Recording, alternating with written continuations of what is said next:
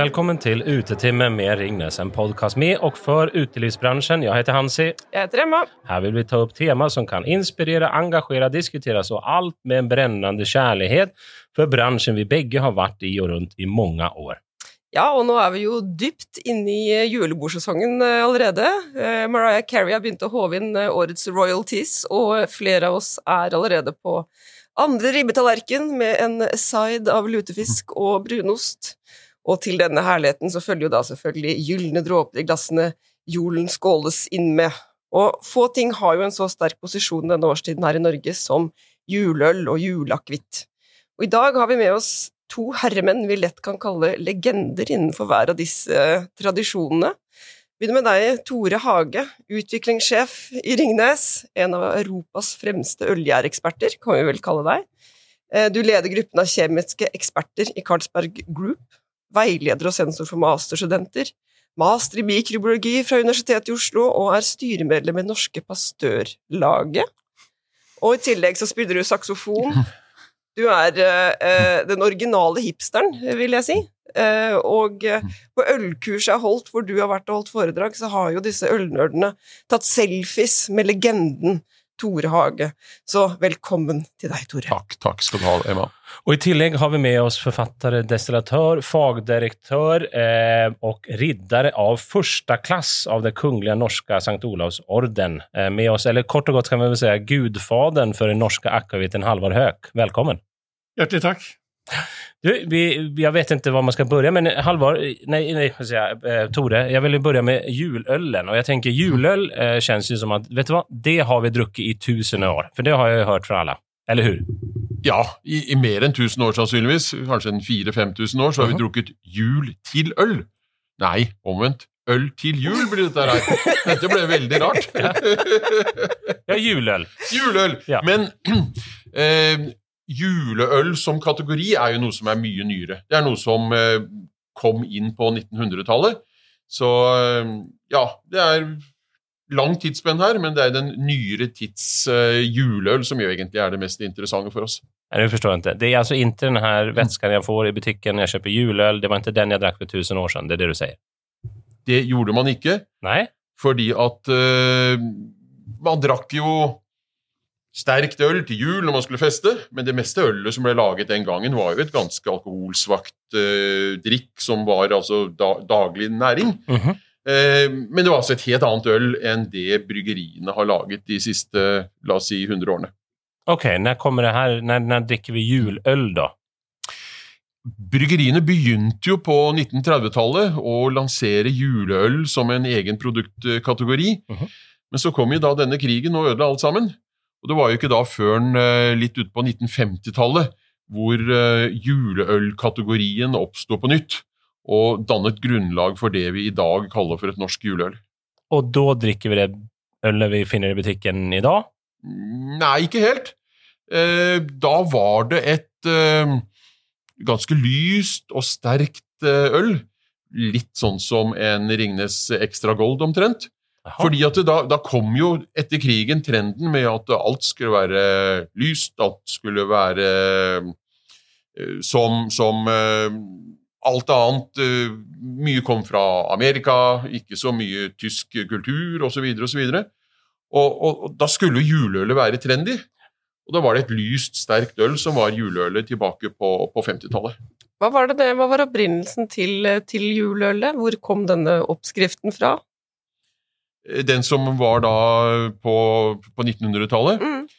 Eh, altså Den første som kom da på 30-tallet, den eh, var jo et, et, et litt mørkt, kraftig øl. For da skulle man se tilbake til vi lager øl slik som det var eh, i gamle dager. Men når det nye, trendy ølet kom på, eh, på, på 1950-tallet, eh, så var det altså denne trenden hvor jo da endelig pilsen hadde slått igjennom som viktigste øl i Norge egentlig da også la grunnlaget for juleølet. da. Det skulle være litt, eh, litt kraftigere, litt sterkere, litt mer enn en egentlig den standard pilsen. Hvorfor begynte man med juleøl igjen da? Var det Hvem, Hvor kom den ideen fra? Nei, Det var vel sannsynligvis eh, bryggeriene som eh, syntes at eh, nå var det på tide å lansere en ny produktkategori.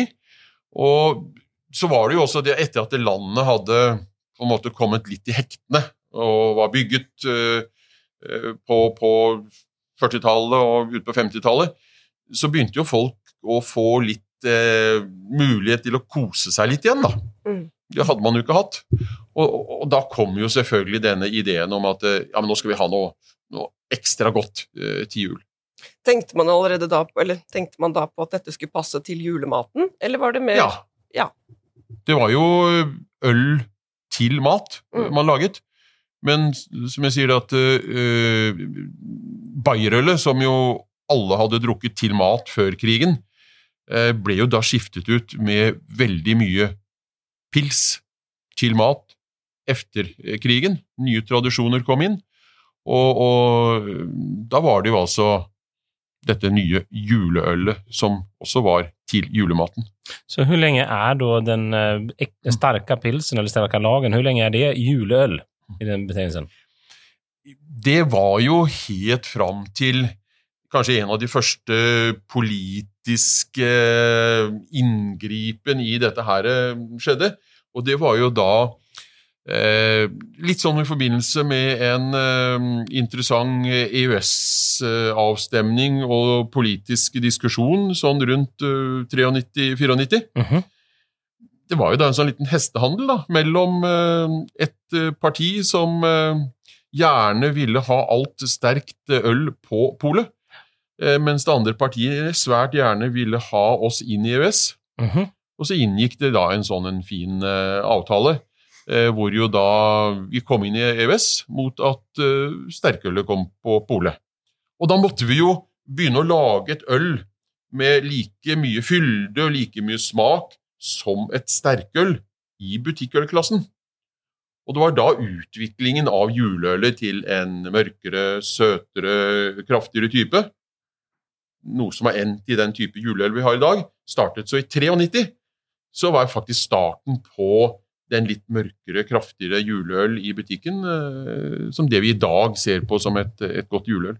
Kjennes veldig sånn ny historie. Men ok, Halvard. Eh, akavitten kan vi i alle fall lite på. Sen 1500-tallet har vi drukket juleakavitt, eller hur? Nei, det har vi ikke gjort. Det, hadde, det, var jo medisin på den tiden. Det var noe som het signaturlæren. Altså, man gikk ut i skogen og fant ut uh, morfoli på plant, og planter og, og, dyr ble brukt, og mye annet rart. Så, så, det har egentlig ingenting med den akevitten vi kjenner i dag. Nei. Så 1531 sier vi at vi begynner å brenne. Ja. Uh, før det så hadde vi ikke noe særlig brennevin i Norge. Vi importerte noe fra Europa, men før 1200 så var ikke håper jeg, spriten oppfunnet i Europa. Og det skal vi kanskje være glad for at vikingene ikke hadde. Men eh, det som da skjedde, var vel egentlig i 1776. Eh, så kom vel en herremann på banen, eh, Blix Hammer. Og han er jo den som føler at eh, man begynner å importere akevitt og sprit fra, fra, fra, Europa, og mener at den norske bonden har ikke råd til dette. Ergo så må han lage sin egen sprit. Og da må han faktisk lære å lage en bedre sprit. Og da er det jo snakk om rett og slett at i gamle dager så var jo brenningen da tok de med alt de kunne, og særlig gjevt var jo fuselen på slutten av brenninga, for da smakte det fælt. Og med ondt skal ondt kureres, og det var jo medisin. Så, så dette er liksom Han moderniserte det hele. Og, men den store som virkelig begynte å skjønne hva som var av muligheter, det var jo Jørgen B. Lysholm. Mm. Eh, og, og, starten på linjeakevitten. Men det var jo ikke slik at det var koblet mot jul. Men det var veldig naturlig å drikke både øl og dram til julemat. Ikke minst fordi var, vi har jo et lagringsforholdskjøkken. ikke sant? Mm. Vi speker og salter og røyker. Ting blir veldig mye kraftigere. Ergo så blir du tørstere jo mer salt. Du drikker mer. Eh, og akevitten gjorde man vel delvis også for eh, den troen at dette skulle hjelpe på jeg håper å si, nattesøvnen. Og, og, Av og til så tror folk at det er alkoholen som hjelper, men, men det er jo ikke det. Det er de eteriske oljene, krydderne, som egentlig liksom liner litt og hindrer en del av disse her gassproduserende bakterioluskene ja, ja. til å lage, lage luft i magen og alt dette her sånt. Så. Det er akkurat som jeg sier med øl også. Ja. Det er ikke alkoholen som gjør at du slapper så godt av, det er humlen. Ja. Som også renser munnen for fett, for det var jo ganske mye fett i gamle dager i, maten. Så, men det som skjedde, var jo at øh, vi hadde jo da, før Vinmonopolet ble etablert i, i 22, så hadde de jo da de forskjellige områdene i Norge som hadde sine forskjellige akevitter. Uh -huh. på Hedmarken var jo Løiten, ikke sant, og Gjøvik var Oppland, og Lysholm i Trøndelag. Mhm. Eh, og man hadde aldri den tanken om at dette skulle smakes på. For det ble shottet, så vi hadde jo 400 år med dansk tradisjon som hadde akevitten i fryseren.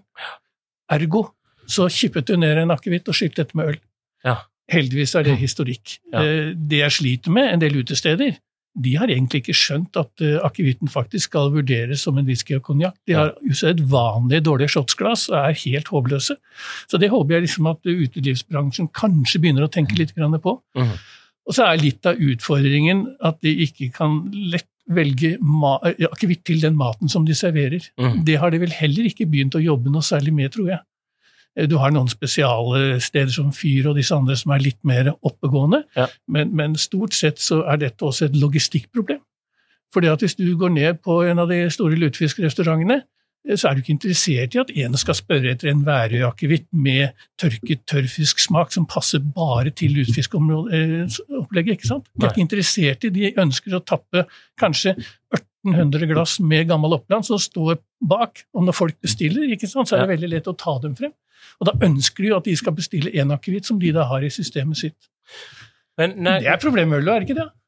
At de har problem- nok å velge mellom sånn når det gjelder å matche. Problem, problem og problem. Um, Det er jo eh, to ting med øl. Det ene er at du skal eh, ha et volum Mm. som jo nettopp gir deg væske Mm. og fortjeneste. Mm. Men på den andre siden så skal du også ha et større eh, assortiment å ta av, som skal gjøre deg litt mer nysgjerrig og interessert i å smake Mm, på mm. forskjellige ting. Mm. Så det går jo litt hånd i Mm. hånd, da, dette med, med Mm. det mer eklektiske og uh, Ja. volum. Vi, vi trenger begge deler. Ja, men om vi tar ett steg tilbake, bara. Eh, Du nevnte det at man, det var naturlig at man drakk akvavitten just i julesammenheng, Men når, när, alltså, To, to arrangementer som jeg registrerte var den viktigste. Det ene er påsken. Ja. Det var fordi at folk hadde gammeldagse hytter. De kunne ikke slå på varmen i bilen på vei opp med telefonen sin. ikke sant? Nei. Så når de kom til hytta, så var det å legge ovnen, inn på peisen, åpne alle dører og vinduer, få ut fuktigheten. Så satt du foran peisen. Glohet foran, iskald bak. Ja. Og hva tror du du drakk? Det var kaldt øl. Det var sikkert øl, ja. og så var det noe sterkere attåt, da. Men, men, men når, kom, när kommer da juleakavitten som vi kjenner, når kommer det her på banen? Den kommer egentlig på banen eh, fordi Vinmonopolet ble opprettet i 22. Ja. Ene og alene for at folk ikke skulle drikke brennevin. Ja. De skulle dyttes over på vin. Ja. Da er det mindre alkoholinntak, og det var riktig. Og det var riktig, vi drakk for altså, mye. Politikken bak det er veldig interessant, for det var jo sånn Noen av de som bestemte de, de sa det at det, det var jo ikke bare brennevin, men også litt imot øl. fordi at disse, se disse hjemmene der man drikker vin, der finnes det jo ikke alkoholisme. Det er bare der man drikker øl og, og, og, og, sprit. Det var jo noe av den politiske, Og det har jo gjennomsyret norsk alkoholpolitikk eh, lenge etter. Og nå er det jo altså akkurat på avslutningen av det som folk tror var et alkoholforbud, men som egentlig bare var et brennevinsforbud, Mm. Som sluttet i 23. Dette henger jo veldig Ja i, um, i, i sammen. Nei, så, så Det som skjedde da etter at Vinmonopolet tok over, og det er litt moro, det er jo de tok over de fire destillasjonene, altså Simmers, Oppland, Løiten og Lysholm, og så begynte de å lage sine egne. Og hvis du ser etikettene, så er det mer eller mindre Det er ikke helseadvarsel på etikettene, men det de er så drittkjedelige som det går an å få blitt, for at folk ikke skulle bli fristet til å ta en flaske, for det var en fin etikett. Ja, ja. Litt sånn som snusboksene. Ja, ja. Det som skjedde etterpå, var jo egentlig at de gjorde ingenting med akevitt i det hele tatt. Eh, fordi at de ønsket ikke at det skulle skje noe rundt akevitten, og det var jo et eh, herlig vinsnobberi, ikke sant? Og de var, jo, de var jo guder, for det var ingen nordmenn som kunne noe særlig om vin i det hele tatt. Så det lille det de kom med, det var jo, de var jo guder. Mm. Så det er klart at uh, vin ble jo det store for Vinmonopolet. Og så kom jo jeg, da, med en sånn uh, dårlig bakgrunn. ikke sant? Fra sånn kommersielt selskap som Philip Morris og Coca-Cola og sånt, og så ser jeg hvilke muligheter som ligger der. Mm. Og så ser jeg jo egentlig at de har ikke holdt ved like fat eller noen ting i det hele tatt. De har bare latt det rett og slett bli, bli dårlig. Mm. Sånn at uh, da jeg begynner å rote rundt, da, så finner jeg ut at her er det masse muligheter. da. Så eh, den eneste måten å lære akevittfaget på, det er rett og slett å legge inn forskjellige resepter, ikke bare bruke de gamle reseptene som du hadde. Nei. Og begynte egentlig å utvikle litt, for jeg er rimelig glad i mat og har gjort veldig mye rart. Og da ble det plutselig slik at uh, juleakevitt, for jeg så på salget, en liten topp ved påske, så en kjempetopp ved jul. Ja. Det var salget da jeg begynte i 86. Og så dro jeg i gang uh, i 1988 så dro jeg ut den første juleakevitten. Ja. Og målsetningen der var rett og slett å få en akevitt som hadde mer krydder enn de andre, som da skulle hjelpe til å fordøye denne julematen. Hvilke krydder er det? Karve er jo hovedkrydderet. Eh, Danskene har mer dill. Eh, Det er fennikel, det er koriander, det er paradiskorn, brennevinspepper. Det er en del sånne som egentlig gjør det veldig bra for systemet og fordøyelsen. Ja. Så det var prinsippene. Og så begynte jeg å eksperimentere med nye fat, mindre nye fat etc., og laget litt forskjellige stiler smaksmessig. Og det var rett og slett for å finne ut av hva skriver folk i avisen om hvordan det smaker. For det er veldig kjekt å kunne få en tilbakemelding. Liker du dette, eller liker du det ikke? Og så etter hvert, da, så begynte du egentlig å finne en type som egentlig gikk veldig bra, da. Så eh, det var større forskjell mellom juleakevitten i starten enn det ble etter hvert. Men, men er det sånn, du, du, du lager du altså norsk juleakavitt. Jo, du så en liten pik her, men det var for å matche den norske julematen? Ja. Det var det som var tanken? Og så har jo jeg, jeg har lagt ned rakfisk i mange mange år. Så fant jeg ut at eh, rakfisken fra Valdres er jo ostemodnet. Ja. En fenomenal rakfisk, egentlig. Ja. Men der passer egentlig en akevitt eh, som er mye mer nyfatkarakter, mye mer restsødme fra den vinen som fatet har ligget på. Ja. Passer veldig mye mer til en ostemodent rakfisk. Men så er du i Telemark, Ja. så lager de mer spekefisk. Da får du ikke til den fermenteringen, og da blir det triveligere med eventuelt en løyten eller noe annet. Ja. Slik at Jeg begynte å se ned på tallerkenen, og så fant jeg ut det at f.eks. hvis du skal spise lutefisk, så er jo Oppland den akevitten som har et smaksbilde som er ganske grei egentlig til lutefisk. Ja. Eh, og den passer jo da ikke så mye til en skikkelig feit ribbe. Nei. Så da burde egentlig Gjøvik-folket på Opplandet sin de burde gå til Hamar og så kjøpe seg en løyten istedenfor. For Ja. den har jo mye mer kraft, takler fettet mye bedre. Og så begynte jeg å lage spesialakevitter til de forskjellige mattingene. Bacalao-akevitt, rakfisk-akevitt, lutefisk-akevitt, hvor de da ble spisset inn mot det siste. Og den aller siste jeg har laget, er ganske spesiell. Det er en eikerakevitt som lages til mølje. Og mølje er noe man spiser i forbindelse med juletiden. Du har ikke lov til å spise kjøtt. Men da spiser du kraften fra syltekoking og øh, røkt skinkekok og sånt. noe. Og så har du rett og slett flatbrød. Så er det en sånn flatbrødsål. Ja. Og den har litt, litt annet smaksbilde, for den er egentlig beregnet til denne mølja. Ja. Så, så det er jo sånn jeg egentlig har jobbet egentlig ganske mye, da. Med å jage med- rettene. Egentlig med utgangspunkt i katolisismen her. her. Nå er vi i, Ja. helt tilbake til Helgen helgendyrkelsen. Ja, ja, riktig. Ja. Så, så, så, så dette er grunnen til at uh, du nå har fått ganske mange forskjellige typer akevitter. Mm. Men det som jeg ser nå, som jeg er litt bekymret for, det gjelder ikke bare akevitt, det gjelder gin. Til slutt så lager man så mye rare greier for å få oppmerksomhet at det faktisk ikke smaker gin lenger. Mm. Og det er noe som bekymrer meg litt, fordi at hvis du da Og vi begynner jo egentlig å få ganske bra eh, renommé for akevitt utenfor Norge. Og når da folk kommer til Norge, så er det veldig hyggelig at de får en, en, en god akevitt, og ikke en eksperimentell akevitt fra et lite sted som hiver oppi mye rart, som skal ha marketing og oppmerksomhet i forbindelse med sånne ting. Så det bekymrer meg litt. Grann. Her tror jeg vi kan trekke noen paralleller Og der tror jeg du også, ser faktisk. til Ja, Vi har altså, noen interessante paralleller der også som vi kan ta etterpå. ja. Nei, så, så det, det, er jo, det er jo et regelverk i EU for hvordan en akevitt eh, skal være, Ja. ikke sant? Og, og hvordan en gin skal være. Ja. Men jeg har jo smakt ginner hvor det heter altså på godt norsk 'predominantly juniper character'. Men det er altså, du lurer på er det enebær her i det hele tatt, for det er så mye annet rart. Ja. Så, så liksom, regelverk er også ganske viktig, da. Men dere har jo renhetsloven, men den er kanskje borte. Ja, jeg, jeg tror at eh, de fleste eh, bryggere i dag med ideen for noe annet enn å lage pils, Mm. de ser jo på renhetsloven som en, et, et lite, lite Historisk. fengsel, fordi at de ville ikke kunne lage altså 95% av de ølene som lages på dagens håndverksbryggerier, Ja, ja. vil du ikke kunne lage innenfor den såkalte renhetsloven. Stramme, stramme det, Mm. det, det, det, det sprenger jo dette Ja. totalt. Da hadde Ja. vi bare drukket pils alle sammen, da, hvis Mm. vi skulle øh, følge den. Eh, Men t- t- For å hoppe inn på spåret av julmaten her igjen, eh, Ja. så tenkte jeg på det Nå når du sier du, du, du pratet tidligere om at vi drakk den sterke pilsen til julmaten, og så, så gikk vi over til det mer søte bryggen som vi er her, eh, ca. 93 om jeg forstår. Eh, Hva, vad, vad syns du selv passar best med julmaten? Ai eh, ja, I og med at vi nå også er inne på akevitten, så, så vil jeg si det at eh, eh, Hvis ølet blir for sterkt, Ja. Eh, og vi skal ha litt godt akevitt og sånt noe ved siden av, Ja. så blir det kanskje ofte litt mye. Ja. Eh, så, så jeg syns jo egentlig det ølet vi i dag eh, produserer og selger i butikk, Ja. altså på 4,7% alkohol, er jo egentlig et helt utmerket juleøl til mat.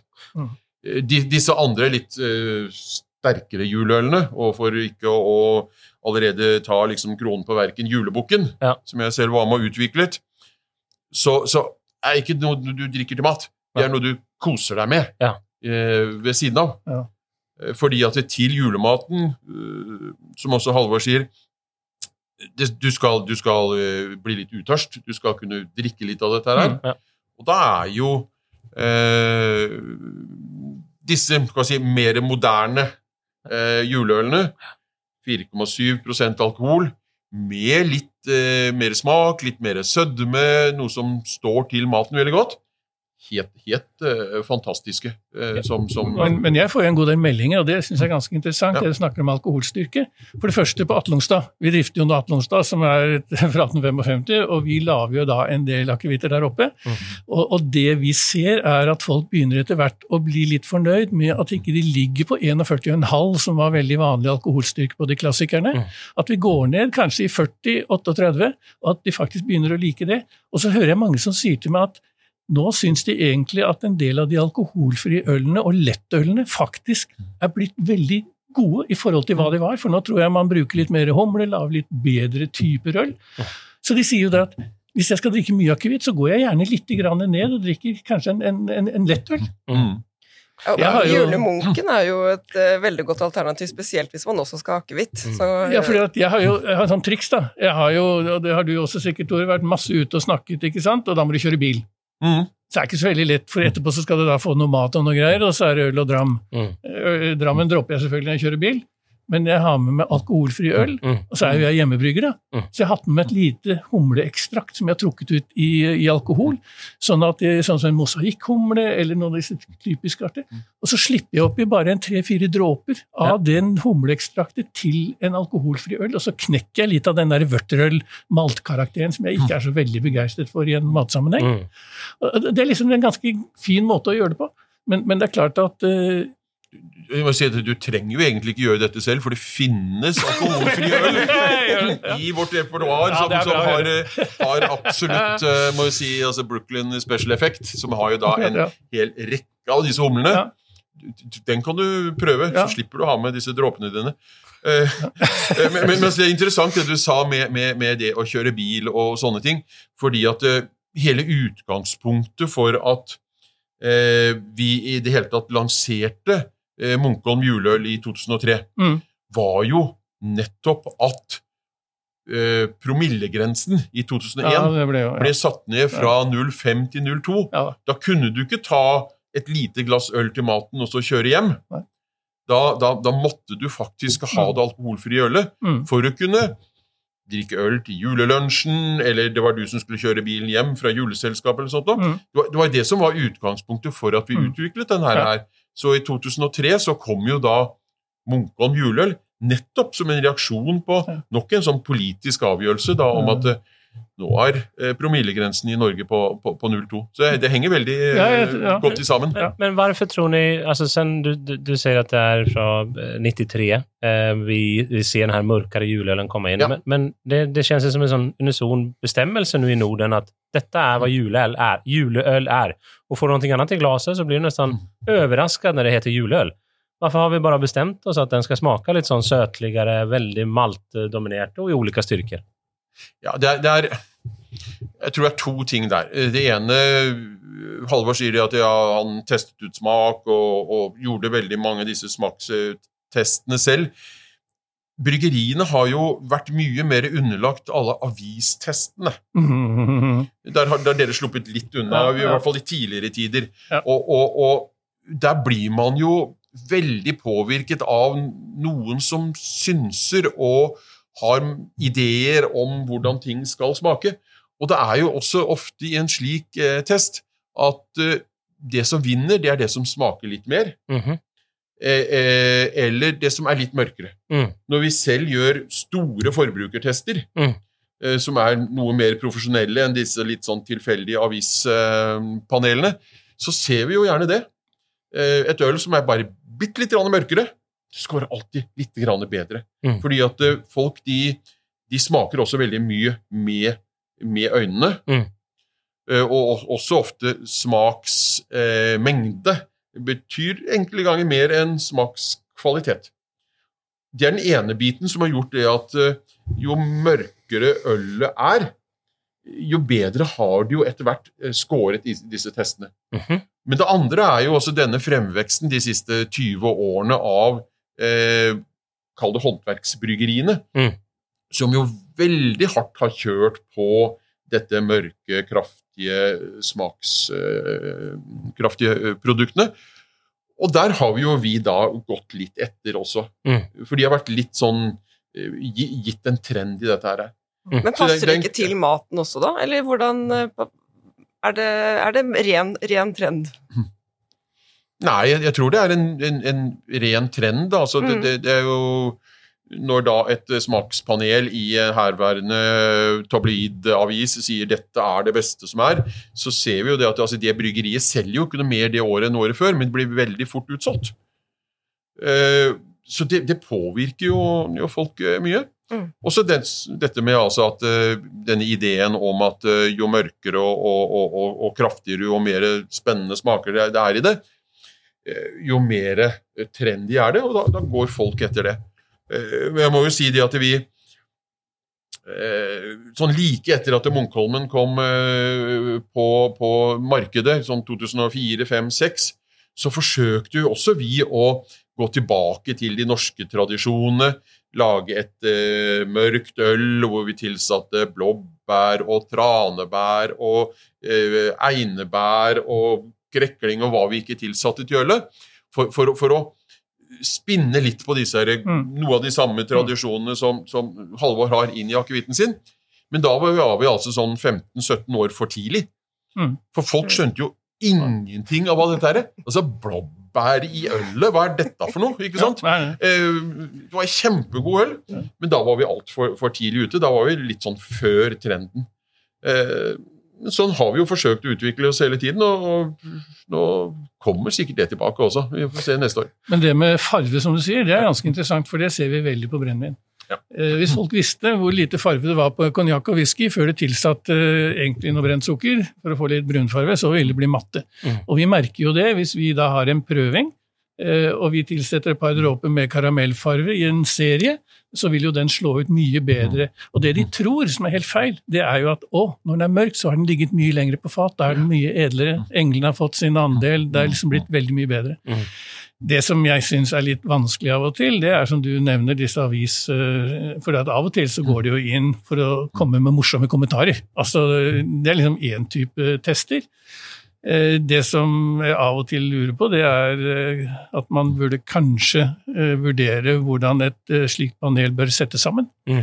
Jeg er av den oppfatning at hvis jeg går inn i et ekspertpanel på øl, så tryner jeg totalt. Men det gjør ølgutta når de skal inn i en akevittseanse også. For det er noe som heter trenende paneler. Det er noe som faktisk heter at erfaring etc. Ja. Noe som er enda verre når vi ser er vinpersoner skal, Ja, de kan skal, om alt. Kan smake, for de er jo ekspertene, og de skal begynne å smake på akevitt eller øl. De er jo helt De er altså, helt på bærtur. Helt på bærtur. Altså, eh, når- de da begynner, begynner å snakke om eh, eh, julebukken, som er altså et 9 søtt kraftig øl Ja, det er et godt øl, bare du får den servert riktig kald.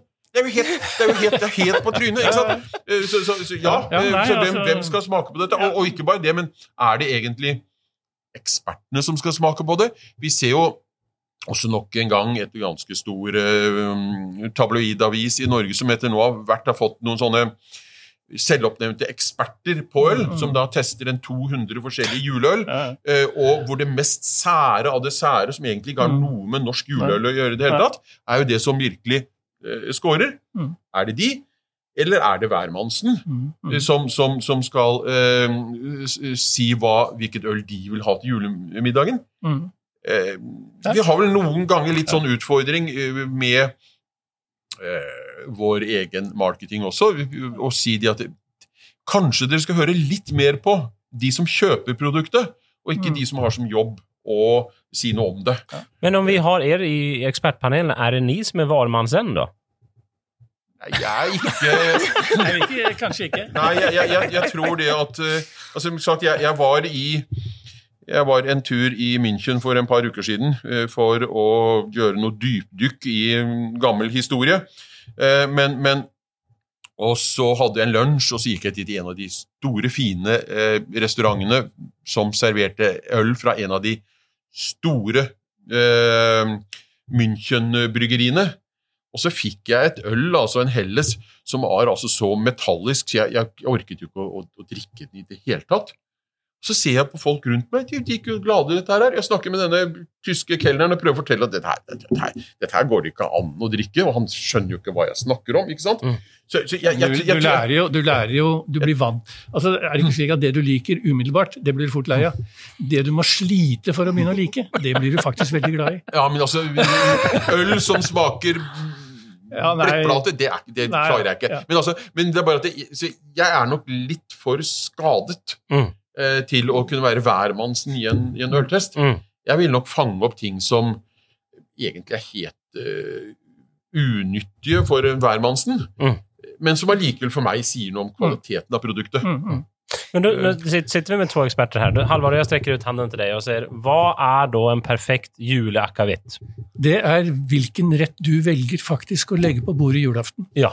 For en pinnekjøtt, altså hvis du har smalahove pinnekjøtt, Ja. du har to typer, speket og, og, og røkt, ikke sant? Ja. Så du har liksom to typer. Ja. da har jeg laget en uh, smalahove-akevitt for Ivar Lønne, som som er så som er 43 volumprosent, og som har veldig mye mer krydder og urter. For det at den smakskraften på å ligge på tallerkenen, den skal du matche med det du har i munnen. Ja. Spiser du lutefisk, så, så er det noe helt annet. Ja. Hvis du tar den akevitten, så dreper den måltidet totalt. Ja. Så kommer det litt an på folk som spiser lutefisk. Det er jo la oss være ærlige, det er jo mange som ikke liker lutefisk. i det hele tatt. Altså, de hiver jo bare på masse bacon og mye annet, så Ja. kjenner jo ikke smaken av fisken i det hele tatt. Ja, da, da, da bruker du ikke en lutefiskakevitt eh, som er laget for Ingebrett. Nei. Nei. Da bruker du rett og slett en løyten. For det er det som egentlig går over det røkte baconet, for det er det som egentlig styrer det hele. Så det du sier, vei retten og vei akevitten, og du gjerne hadde sett tester i framtiden som hadde tatt for seg én rett i taget når de Ja. smaker på akavitterna. Er det det du sier? Ja, for det, er litt morsomt, for det er faktisk noen journalister, noen matjournalister, seriøse, Ja. som faktisk har kommet og gjort akkurat den testen. Og de får hakeslepp. Kan jeg spørre, passer egentlig eh, øl og akevitt sammen, og gjør det eh, Eller er det mer sånn eh, funksjonelt for uh, tørsteslukking og, og fordøyelse, eller gjør dette noe sammen? Mat, øl, akevitt, Så, så, så, lenge, så lenge akevitten er god, så syns jeg det funker helt ja. ypperlig, jeg, for min del. Ja, Eh, det som bekymrer meg aller mest, det er jo, nå vet jeg, nå får jeg en del kollegaer på nakken, for vi er et jævla svært vinfirma, det er jo rett og slett når de går inn og skal sette da eventuelt en vin til julematen. De begynner alltid med det er egentlig ganske vanskelig å sette vin til julematen, men du kan prøve en tysk Riesling-vin, for den har så mye syre, så er det det som løser problemet. Mm. Men det som ikke er noe tvil om, og som jeg sier, hvis du ikke kan fordra øl og dram, og du vil drikke vin til et julemåltid, så spis ferdig.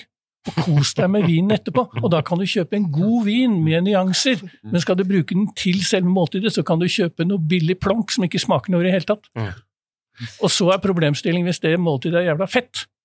Hva gjør du da? Skal du slukke tørsten med kaldt vann? Munnen stivner på deg i fett. Mm. Altså, Det er en del tekniske ting også. Jeg vet ikke om du er enig, men altså ølet, som du sa, humlen, en utrolig viktig del i å rense munnhulen til å få da, opp og si, dyttet frem smaksløkene dine igjen. Men Hvorfor drikker vi ikke då en pale ale til julmaten om den här humlen er så viktig for å rense ganerna? Da er vi på tradisjon igjen. Ja. Eh, fordi at eh, for den norske forbruker så er det jo det vi jo i dag ser på som juleøl, altså de vanlige juleølene i butikk, Mm. som jo da er eh, ikke veldig alkoholsterke, selvfølgelig, men som er litt dominert av karamellmalt. Altså litt sånn brente, litt søtlige, mørke, litt sånn rubinrøde fargen. Det er det vi jo nå ser på som et juleøl. Så, så der er det veldig mye tradisjon. Mm. Det blir akkurat som, som, som julebrusen. Noen skal ha brun, og noen skal ha rød. ikke sant? Mm. Eh, Sånn blir det litt med, med, med, med juleølet. Og eh, jeg må jo da også kanskje svare på det, det spørsmålet du stilte, Halvor. Hva er det riktige juleølet til hva? Altså, til julematen, ja, vanlig butikkøl, fantastisk. Om du da ikke er på en julelunsj og skal jobbe etterpå, eller skal kjøre hjem, alkoholfritt. Mm. Vi, det er Munkholm juleøl, men også andre kjempegode Mm. eh, alkoholfrie. Og så er jo det at eh, når da men jeg pleier å si, når gjestene har gått hjem, Mm.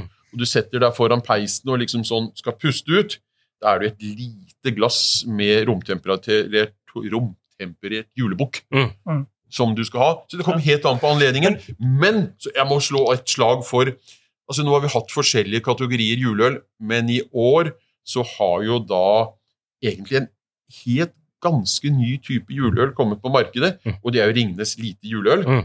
som jo da egentlig er en ganske mye annerledes enn den juleølen du har i butikken. Det er litt andre krydderier i den. Eh, den er ikke så mørk, den er ikke så kraftig. Jeg har ganske stor tro på at eh, for de som ikke har vært så vant til å drikke øl til julematen, så er det den som kommer til å faktisk bli det populære matølet, også ute i serveringsbransjen nå. Men, nå. men det, det vil jeg, ut, jeg, vil utfordre deg litt her, for at eh, det jeg hører her, det er mye motesnakk og det er mye trendesnakk i, i både akevittkategorien og i ølkategorien her. Ok, Og, og nu, just nu føler jeg litt grann at vi bor i et hamburger- og pizza-Norge. Så 2030, julmaten er borte, nå er det pizza og hamburger til julematen. Hva drikker vi da? Ja, Før, før bare, for, bare for å følge opp litt, grann, Tore her. Eh, når vi sitter her, så sitter vi her kanskje som eksperter, og ikke den typisk normale kunden. Mm. Og jeg vil jo si at eh, for de fleste så vil den juleakevitten bli laget på de forskjellige stedene nå, sikkert være tilpasset egentlig det en normal forbruker ønsker. Mm. Men nå snakker vi kanskje til eh, bransjen. Mm.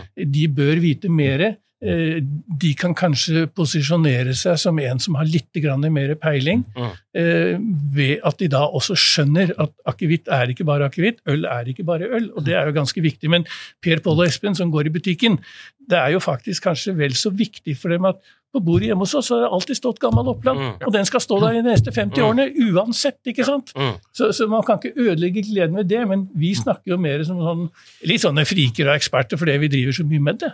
Ja, og, og vi har holdt på med det lenge. Og jeg må si det at det, eh, også det som Parallelt til det du sier nå, ja eh, Gamle Oppland, Ringnes juleøl, det er det som er volumene som folk flest kjøper.